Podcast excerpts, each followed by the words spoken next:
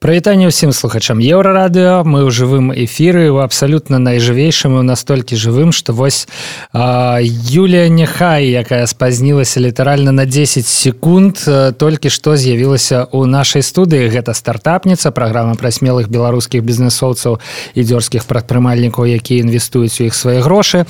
Сёння у нас чарговы стартап які набліжае Беларусь да не то што да светлай будучыні але да рэальнасці у якой ужо жывуць краіны першага свету. Гэта стартап Dronex і у нас у гасцях яго founder владимир давыдаў. Прывітанне владимир прывітанне еўрарадіо і прывітанне. Юля. Прывітанне раснова юля Dronex стаў адным з ну я не пабаюся адным з галоўных таких ньюсмейкераў тэхнічных навінаў на гэтым тыдні кампанія абвесціла пра сумесны проект з аператарам дастаўкі ежы меню кропка бівай і гэта да вы все правильно подумалі дастаўка ежы дронамі можна піць гарбату все нормально.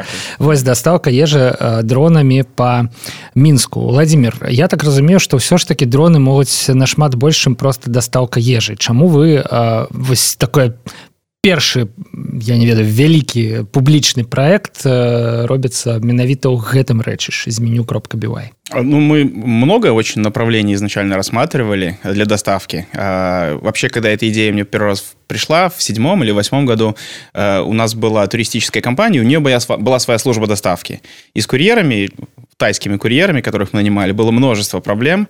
И тогда у меня появился один из первых дронов, который вот уже похож, имеет облик современных. И возникла такая идея, сначала как такая полушуточная, потом я как-то сел и просто написал бизнес-план и понял, что это можно сделать.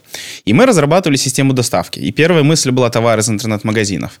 Но когда уже углубились в эту тему, поняли, что с точки зрения фактора оперативности, еда, наверное, и с точки зрения размера рынка, кстати, еда один из таких продуктов, для которых дроны действительно могут привнести дополнительную добавочную стоимость. Ну, вот. ну как с точки зрения беларускага рынка востребованности можно я только э, перад гэтым пытаннем поправлю гэта было у сёмым э, ці ў семнадцатым годзе седьмом седьмом 12, 12 гадоў вы займаецеся так ці інакш больш-менш гэтым проектом ну это так будет неправильно сказать так. от момента то есть где-то в седьмом восьмом году был первый бизнес-план такой наметок а в 2013 году я вернулся к этому проекту, и мы подали первые патентные заявки. Непосредственно плотная работа над технологией, она началась где-то в, э, с весны 2014 года. Первая mm-hmm. встреча с инвесторами, первая обратная связь от рынка и первые работы и инвестиции собственного времени и денег в разработку технологий. Ну, тем не меньше, это 5 годов.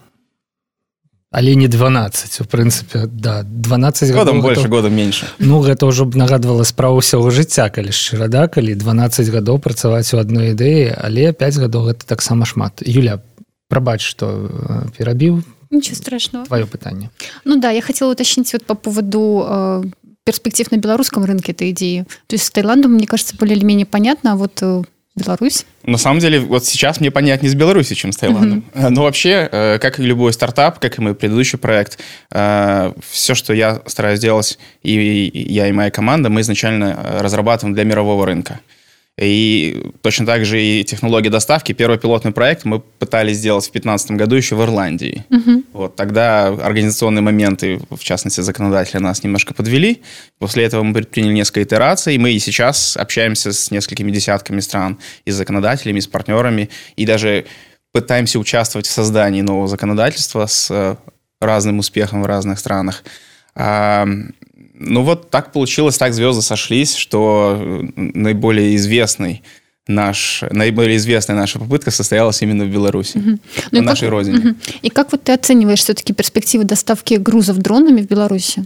Эм, в Беларуси, ну, я вообще в первую очередь оцениваю перспективы доставки грузов глобально. Что касается Беларуси, рынок замечательный. Э, Э, я вам скажу, что из всех рынков, на которых работает наш партнер, Беларусь является одним из самых привлекательных угу. с точки зрения доставки еды. Да-да-да, как ни странно.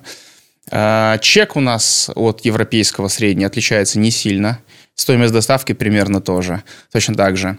И все те же самые вызовы, которые присутствуют в развитых странах, они присутствуют и в Беларуси. Например, э, неохваченный пригород, в который курьерам ездить невыгодно.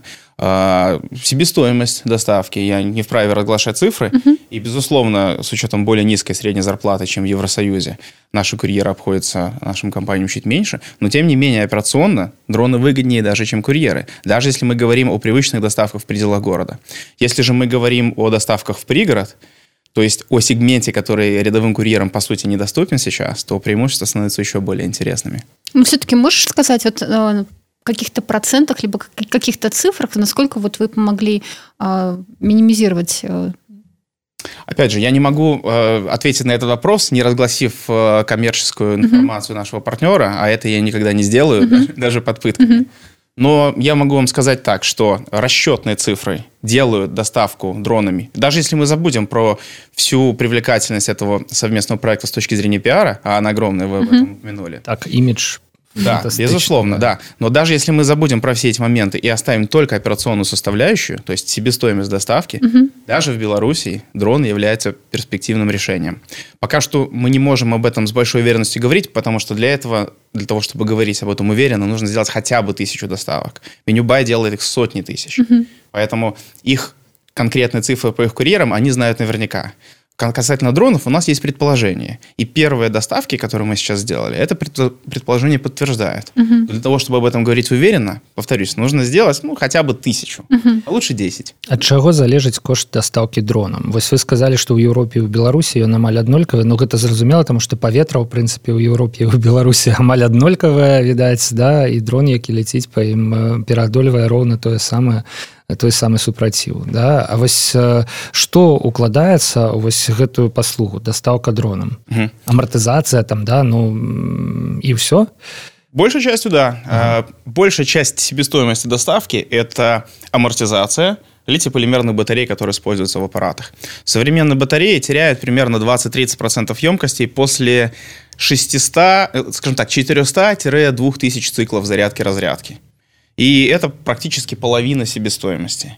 Хорошая новость заключается в том, что с э, популяризацией телефонов, с приходом электроавтомобилей, инвестиций в совершенствование литий-полимерных, ну вообще угу. аккумуляторов, э, увеличились на порядке, и буквально с года на, на год уже появятся новые коммерческие образцы, чьи характеристики существенно лучше. Но даже с текущими батарейками себестоимость доставки дронов при достаточном количестве их использования – ниже, чем себестоимость использования даже белорусских курьеров. Если mm-hmm. же мы говорим про европейские страны, где стоимость оплаты труда существенно выше, различные налоги там присутствуют mm-hmm. и так далее. Да просто ставка. Конечно, да. За годину. Себестоимость mm-hmm. остается прежней, как вы правильно сказали. Э, Поветра одинаковые в разных странах.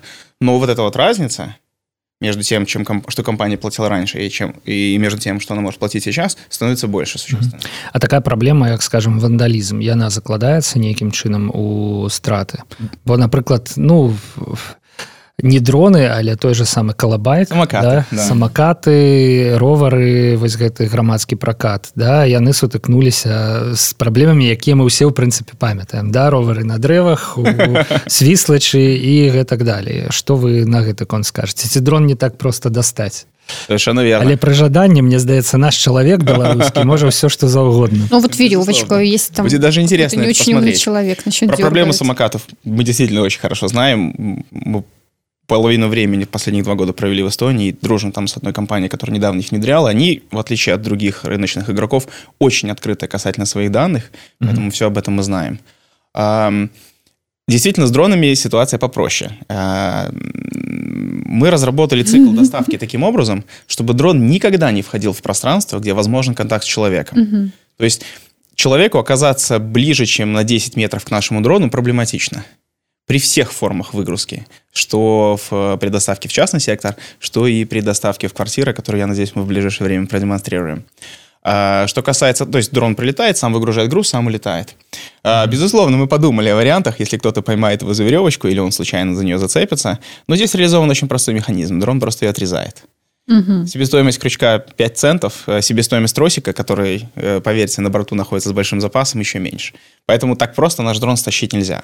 Есть, конечно, более высокотехнологические Ну, да, варианты. можна м, угнаць дрон з дапамогай э, такого спецыяльнага ружжа э, і гэтая зброя яна якраз дэманстравалася дарэчы улетку гэта адно з ноу-хау беларускай абарончай прамысловасці да супрацьдронныя такі пушки відаць А, не хочу хвастаться, но, скорее всего, с нашим аппаратом так не получится.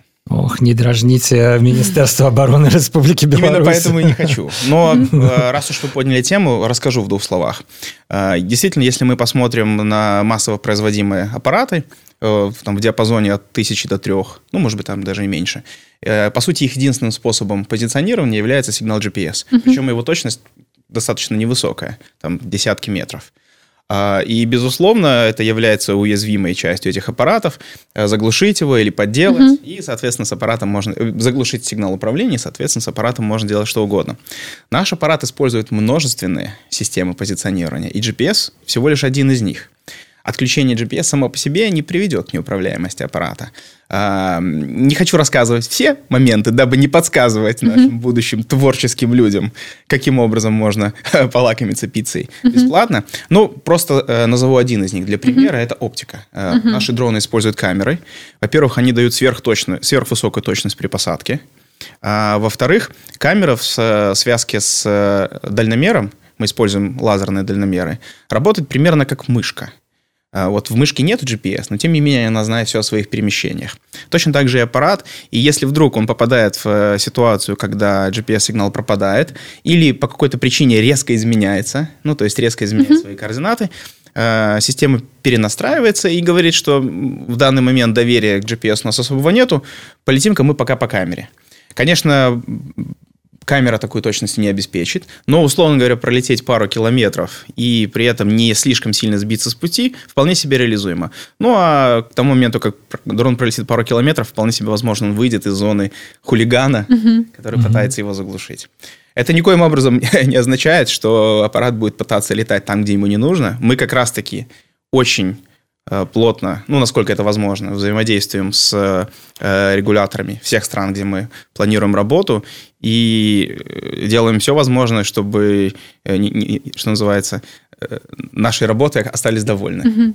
А как вот вы работали с белорусским регулятором? То есть где у вас есть разрешение летать? Насколько плотно вы общались с Федерацией а, беспилотной авиации, например? Хороший вопрос. А, Мы в данный момент не являемся э, членом этой федерации, но, конечно, с Глебом э, знакомы и несколько раз встречались, и даже делились своим опытом э, взаимодействия с законодателями других стран, дабы э, какие-то успешные практики можно было пытаться и предлагать начинать в Беларуси. А, Глеб действительно оказал нам существенную поддержку. А, Примерно за два с лишним месяца до этого а, пилотного проекта мы встретились, обсудили все моменты, а, создали план действий и, собственно говоря, по этому плану действовали. А, Глеб проконсультировал нас, а, а, что писать в заявках, кому их подавать и так далее. И, собственно говоря, вот основываясь на его опыт и советы, мы и получили это разрешение. Разрешение в данный момент покрывает очень небольшую область. Больше, наверное, правильнее было бы говорить именно о тестировании, нежели о полноценных доставках. Хотя с точки зрения человека, которому повезло, и он в этой области живет, он ничем не ограничен, он может заказать еду из нескольких сотен ресторанов и получит ее домой. Вот. Ну А, так это зараз пазіцыянуецца як так оно и- Именно да. так оно и происходит, да. А, конечно, мы не имеем возможность непосредственно дроном забрать еду из ресторана, поэтому те рестораны, которые не входят в эту маленькую зону, э, в них еду забирают э, либо курьер мини-бай, либо наши сотрудники в зависимости от зоны ответственности. Дальше уже еда доставляется к беспилотному аппарату, и аппарат уже непосредственно выгружает это конечному пользователю. То есть на финальном участке сейчас уже курьер не задействуется. у ідэале а, загрузка адбываецца непасрэдна ў рэстаране А, Да, на следующем этапе. э, Ну и, или, может быть, даже в ближайшее время с теми ресторанами, которые находятся в нашей зоне, мы создадим возможность, э, чтобы сотрудник ресторана самостоятельно осуществил загрузку. Як вы думаете это трэба нейкі спецыяльна абучаны супрацоўнік Нет, рэстарана? нет, это очень простой Справиться. процесс. У вас специальный контейнер ведь, да? А, да, значит, э, мы мы разработали огромное количество вариантов технологий. Были варианты, когда э, груз в стандартной упаковке помещается внутрь аппарата, и были варианты с подвесными контейнерами. мы а, скончылі размову на тым ці складана загрузіць ежу у дрон і адправіць яго а, да кліента владимир сказал что не не складана тому что ёсць адмысловыя кантэйнеры і тут вот мы яго і перарвалі. Прынілі. Ну дарэчы відаць над гэтымі кантэйнерамі вы нейкім чынам адмыслова працавалі. Ці падгледзелі недзе ідзе ідэю я не ведаю як вось гэта адбывалася. Кто-то у кого-то подсмотрел да. Так. ладно распавядзіце як як вы прыйшлі вось менавіта такой формы там такая пирамидка наколькі я ага. бачу по фотоздымках да. да ну, давайте я закончу ответ на предыдущий вопрос значит цикл обучения ресторана занимает примерно 10 секунд у нас даже записан этот материал на видео нужно положить еду в контейнер э, закрыть его э, опять же этот процесс занимает секунд 5 и дальше просто контейнер вешается на крючок После а этого... пицца? Что? Она же большая, другая по габариту. Вот, кстати, в... Или королевская пицца. демонстрационном вот видео, кстати, стол. мы доставили три пиццы в контейнере. Uh-huh. А, ну, безусловно, огромная круглая пицца не поместится. Uh-huh. Но если уж э, все так любят пиццу, их бывает и квадратными нарезают, и закрытыми делают. Mm. Собственно говоря, повторюсь, мы как раз в демонстрационном видео доставили три закрытых пиццы, и в этом же контейнере доставляли открытую пиццу, но квадратную, прямоугольной формы. Вот. А по поводу формы контейнера, да. А на самом деле вариантов, каким образом а, дрон взаимодействует с грузом, ну, мы проверили, наверное, штук 8. Один из них – это внешний контейнер – чем хорош внешний контейнер? Тем, что можно быстро изменить габариты груза, не изменяя весь аппарат. Это здорово. Например, для еды э, контейнер, который мы используем, оптимальный. В него вмещается, можно запихнуть килограмма 4, на самом деле. И дрон поднимет, да? А, вот, да. Ну, наши аппараты до 3 килограммов рассчитаны. Хотя, если лететь недалеко, наверное, можно было бы 4 вставить. Но мы не позволяем это делать. Если, например, завтра встанет задача доставить одежду, например, куртку зимнюю. Куртка зимняя это не тяжелая, но объемная. Uh-huh. И мы можем взять этот контейнер и пропорционально его увеличить, и человек получит домой одежду. Вот. И, например, человеку можно привезти две куртки, он одну померяет и оставит, а вторую положит обратно в контейнер, и дрон вернет его на склад. То есть uh-huh. это можно делать. И, повторюсь, внешняя подвеска как раз позволяет э, формы изменять, и э, габариты. Что касается формы, у нас четыре аппарата – и три из них – это самолеты. Какие-то с вертикальным взлетом, какие-то без. Они достаточно быстро летят. И когда э, контейнер находится в быстром воздушном потоке, важно обеспечить его обтекаемость. Что, собственно говоря, этот контейнер обеспечивает? У него заостренный нос и заостренный хвост. Когда этот же контейнер перевозится э, аппаратом вертолетного типа, э, линейная скорость не такая большая, и это не столь принципиально. Но мы же не станем для каждого дрона отдельный контейнер разрабатывать, поэтому mm-hmm. сделали вот такое унифици... унифер... универсальное решение. Mm-hmm. Кстати, экологичное. Mm-hmm. Картон и дерево. Якая, до речі, пластика. Якая прикладно хотя бы? А, значит, Или это не секрет? Э, никаких секретов. Повторюсь, у нас четыре аппарата. В Беларуси в данный момент по законодательству можно использовать только один – с начала этого года ввели сертификацию аппаратов тяжелее 7 килограммов.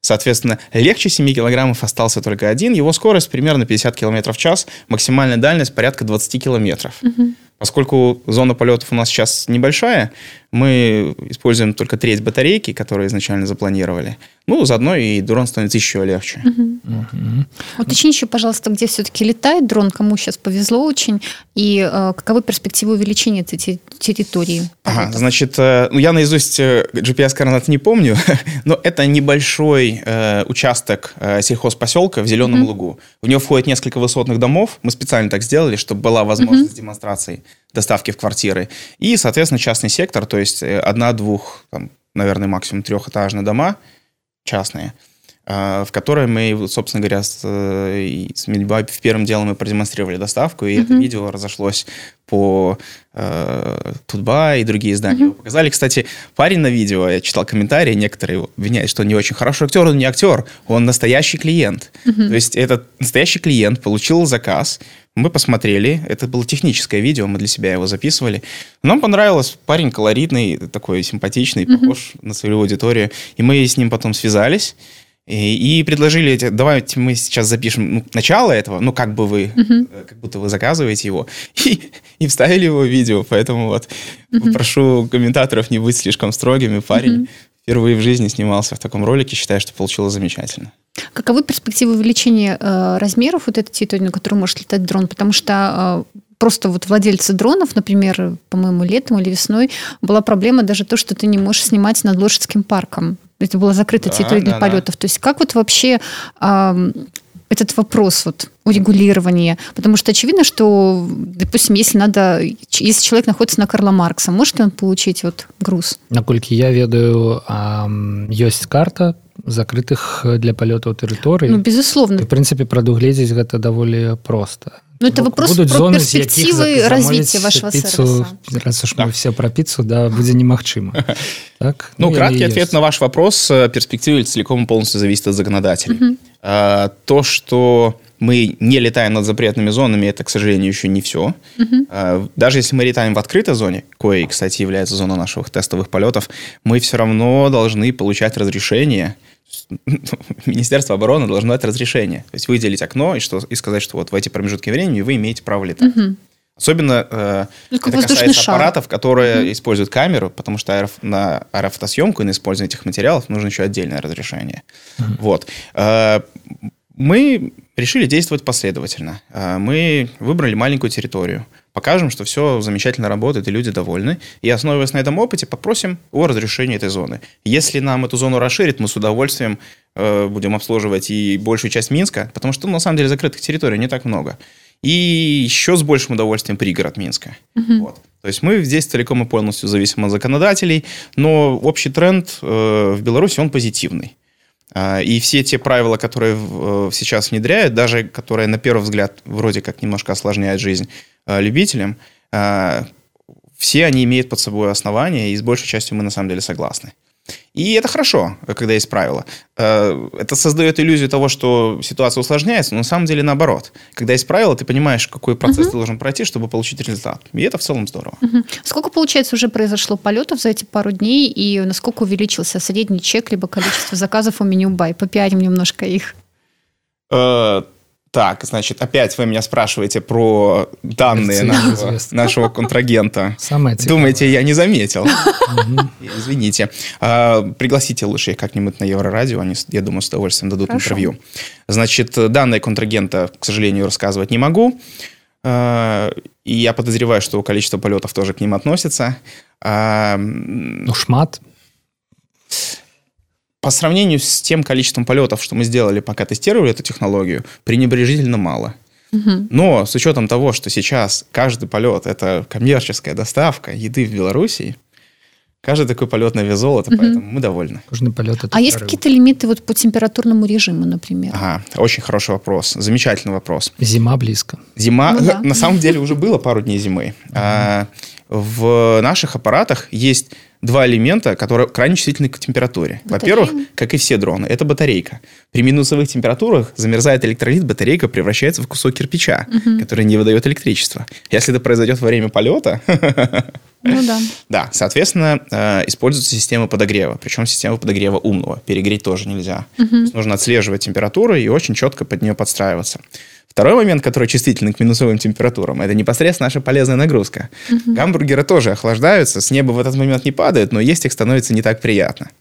А, мы отчасти специально выбрали такой промежуток, потому что помимо пиара мы еще тестируем технологию, и в случае, если она себя грамотно зарекомендует, мы имеем возможность масштабировать ее в ряд стран. Меню Бай сейчас работает в четырех странах. Угу. Это не коммерческая информация, она всем известна. Ну, да, она известна. А, так вот, э, э, выбор времени, он позволя... позволил нам э, осуществить ряд доставок в теплое время, когда еде не нужен был подогрев. И сейчас вернуться к этому, угу. в том числе и при минусовых температурах. Угу. У нас есть несколько решений. Ну, помимо того, что у нас теплоизолируемый контейнер, гофрокартон, в принципе, uh-huh. обладает определенной теплоизоляцией, и с рекордно низкое время доставки, а, мы сейчас еще работаем над технологией активного подогрева, есть очень интересное решение, может быть, даже будем подавать патентные заявки. Uh-huh. Не могу сказать, что сейчас э, оно уже прямо готово к использованию, но мы вот донастраиваем его в ближайшее время, и я думаю, где-то с середины ноября протестируем еще и вот этот элемент. Будет очень интересно. Uh-huh. Ну, у прынцыпе хуткасцю 50 кіметраў за гадзіну дазваляе дасягнуць ну калі ў цэнтры базироваться любой кропкі мінска ну, если можна летать да калі можна не ну там няма такого кола за якой ты не вылеціш ты да. муж мусіш абмінаць закрытыя зоны да, да, да. там не менш mm -hmm. там крукі невялікія у прынцыпе хвілінаў за 20 можна ў любой кропкі мінска апынуцца але тут пытанне ну то бок за 20 хвілінаў мне здаецца піца у тэрмаізаляцыйным кантэйнеры не застывае так что гэта пытанне вырашаецца больш-менш у мяне іншае пытанне вось вы сказали что дрон да чалавека не подлетае на адлегласць у 10 метров да? mm -hmm, так да. а да того хто замаўляе yeah, yeah. гэтую ежу ён з ім непосредственно контактуе ўсё ж таки нет нет нет если вы посмотрите видео которое мы выложили вот в частности на тутбае ситуация выглядела следующим образом дрон прилетел на 10 метров завис на тросе спустил груз оцепил его сам без участия человека и улетел и уже после того как дрон улетел человек подходит спокойно берет контейнер але тут была такая ситуация что это все отбывалось на вачах у клиента а як гэта проконтроляваць ці ёсць клиент зараз побач с тым месцам куды было была замоўленая дастаўка тут вось магчыма что на зямлі груз у стране нехта іншы ці ці не некія ёсць рашэнні для этого ну безусловно технически такие возможности есть и сейчас мы этого конечно не делаем ну в нашем случае ситуация решается очень просто человек оповещается через минуту груз уже на месте то есть соответственно он в курсе процессов груз высаживается на частной территории то есть каждый частный дом в нашей стране имеет забор угу. то есть если человек если правонарушитель готов нарушить закон, перелезть забор ради того, на чтобы украсть пиццу. Да. Э, Конечно, частная территория. То есть он способен высадить э, груз э, на участок метр на метр. А что даже не обязательно... со шматквартирными домами? Что будет с многоквартирными домами, я надеюсь, мы продемонстрируем в ближайшее время. Окей. Да. Uh-huh. Практика интервью в Беларуси научила меня сначала показывать, а потом рассказывать. В противном случае э, узнаю о себе много того, чего не знал никогда. Ну, вось мяне яшчэ такое пытанне вы э, на самом пачатку інтэрв'ю згадалі пра э, тое што ад пачатку ідэя базавалася на дастаўцы тавараў э, з інтэрнэт-крамаў так. але ва ўсім свеце у прынцыпе для дастаўкі тавараў з інтэрнэт-крамаў ва ўсім свеце але не ў беларусе выкарыстоўваюцца такія скрыні адмысловыя якімі у Э, нейкім чынам раўнамерна пакрытая тэрыторыя горада. Ну напрыклад лондона да? Людзі пач... да і людзі ў гэтыя пачтаматы яны э, замаўляюць для сябе э, тавары. І у нас тут у студыі недзе два месяца таму быў праект які ўжо ў прынцыпе пралічыў колькі каштуе накрыць паштаматамі мінск Праўда, атрымалася вельмі шмат. Мне здаецца, што называлася сума каля двух мільёнаў долараў.